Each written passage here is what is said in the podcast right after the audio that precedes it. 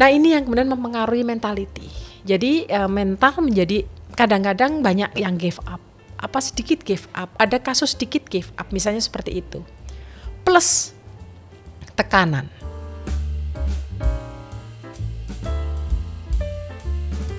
Halo kawan UGM.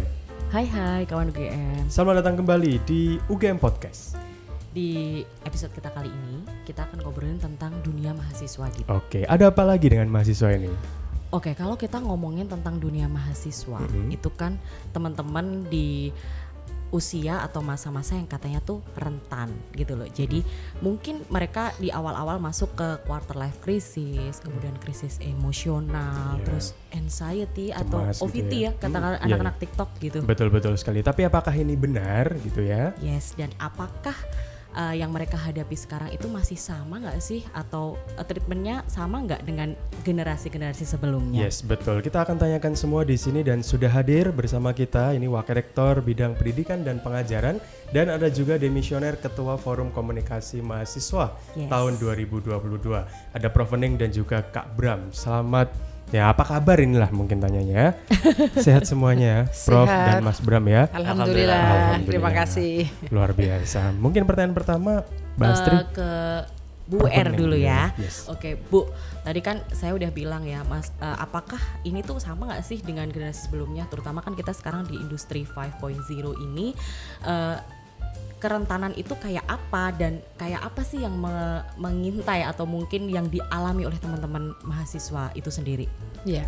Baik, terima kasih. Ini saya kira satu pertemuan penting ya, karena kita berbicara mengenai dunia mahasiswa, dunia yang bukan hanya soal bagaimana mereka eh, apa ya belajar ya, eh, melakukan production of knowledge, tapi ini kan terkait dengan kehidupan mereka di sisi private ya, tapi kemudian terkoneksi dengan sisi publik, sisi kehidupan mereka sebagai mahasiswa apakah mereka rentan gitu ya dalam konteks apa rentan gitu.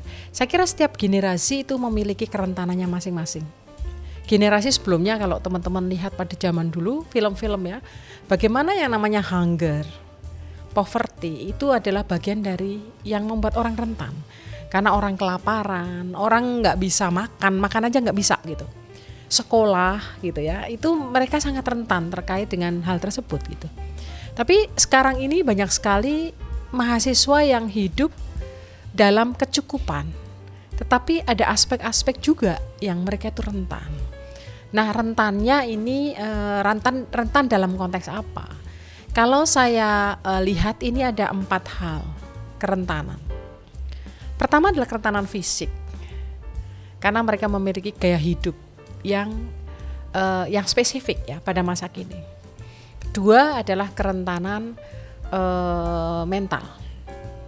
Jadi mereka memiliki eh, satu kerentanan terkait dengan bagaimana eh, psikologi ya eh, aspek-aspek psikologis dalam diri mereka itu ada kerentanan yang itu terkait sebetulnya dengan kerentanan fisik yang mereka memiliki di awal tadi. Kemudian yang ketiga adalah kerentanan sosial.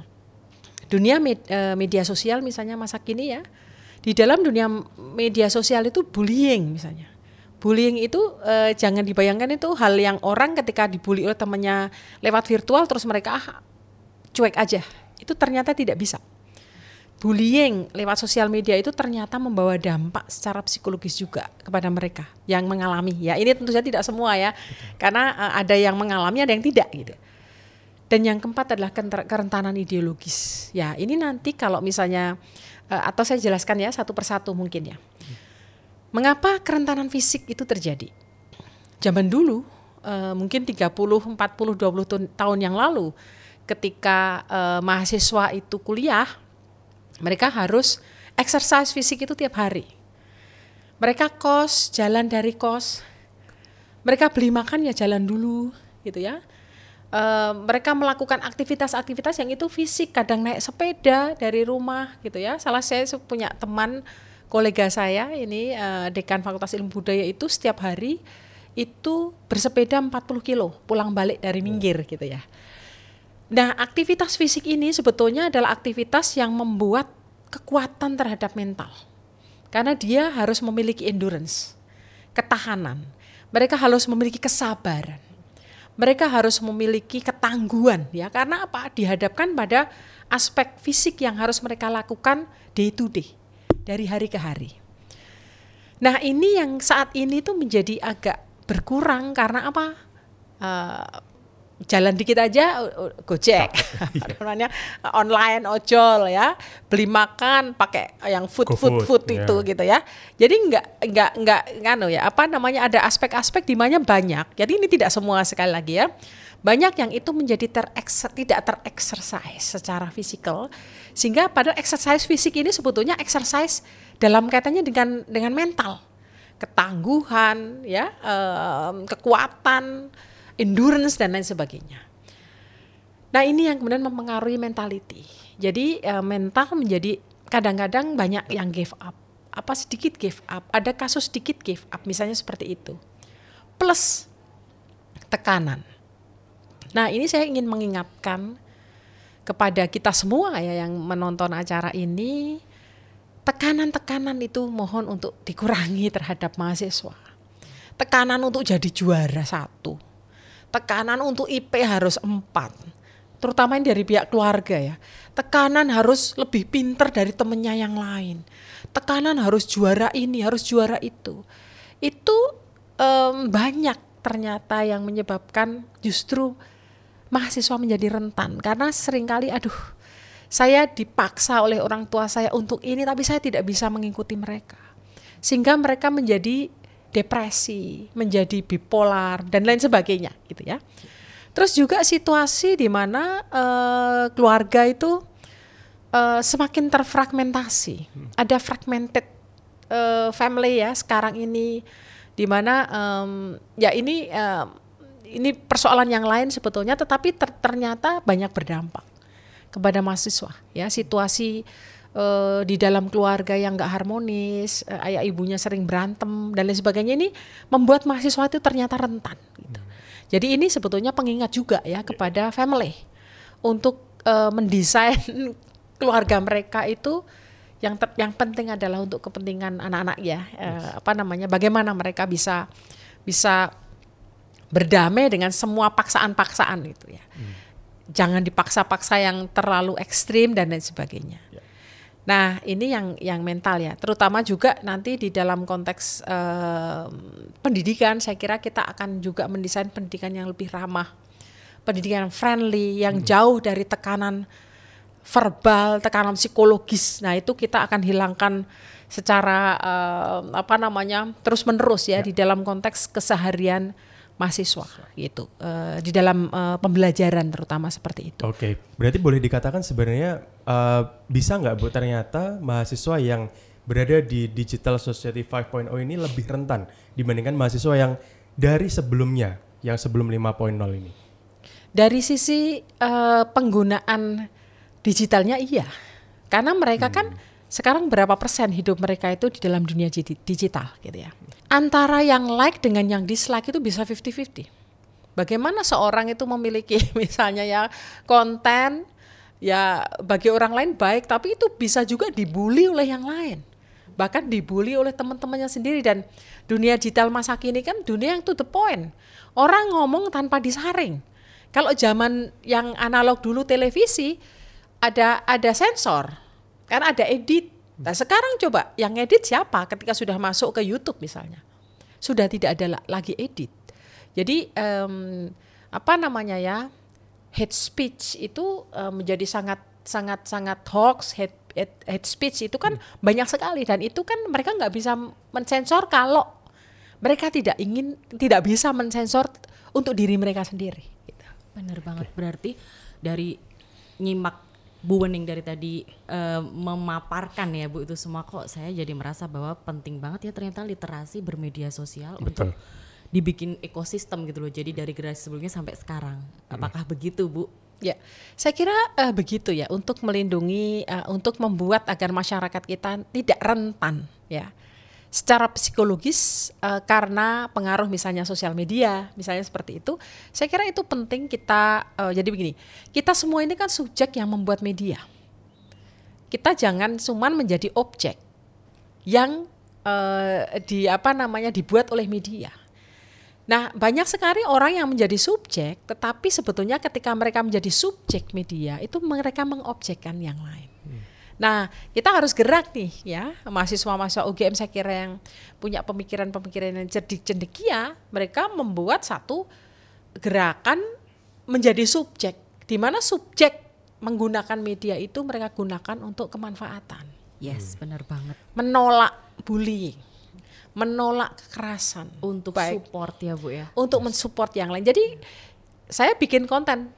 Nah kalau isinya itu eh, kebencian-kebencian, nah itu kan em, apa ya mentality orang kan itu akan ke- menuju ke arah sana. Nah kita harus hadir juga di dalam ruang yang saya sebut sebagai arena kontestasi. Ayo kita ikut kontes.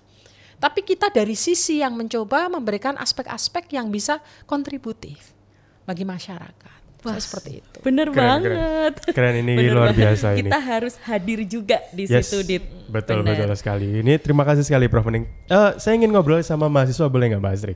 Mbak Asri ini ada Kak Bram. Kak Bram boleh di sharing nggak sih? Mungkin kan Pak Kak Bram di tahun 2022 jadi ketua Forkom ya. Apa sih yang eh, terjadi di teman-teman mahasiswa saat Mas Bram jadi ketua Forkom?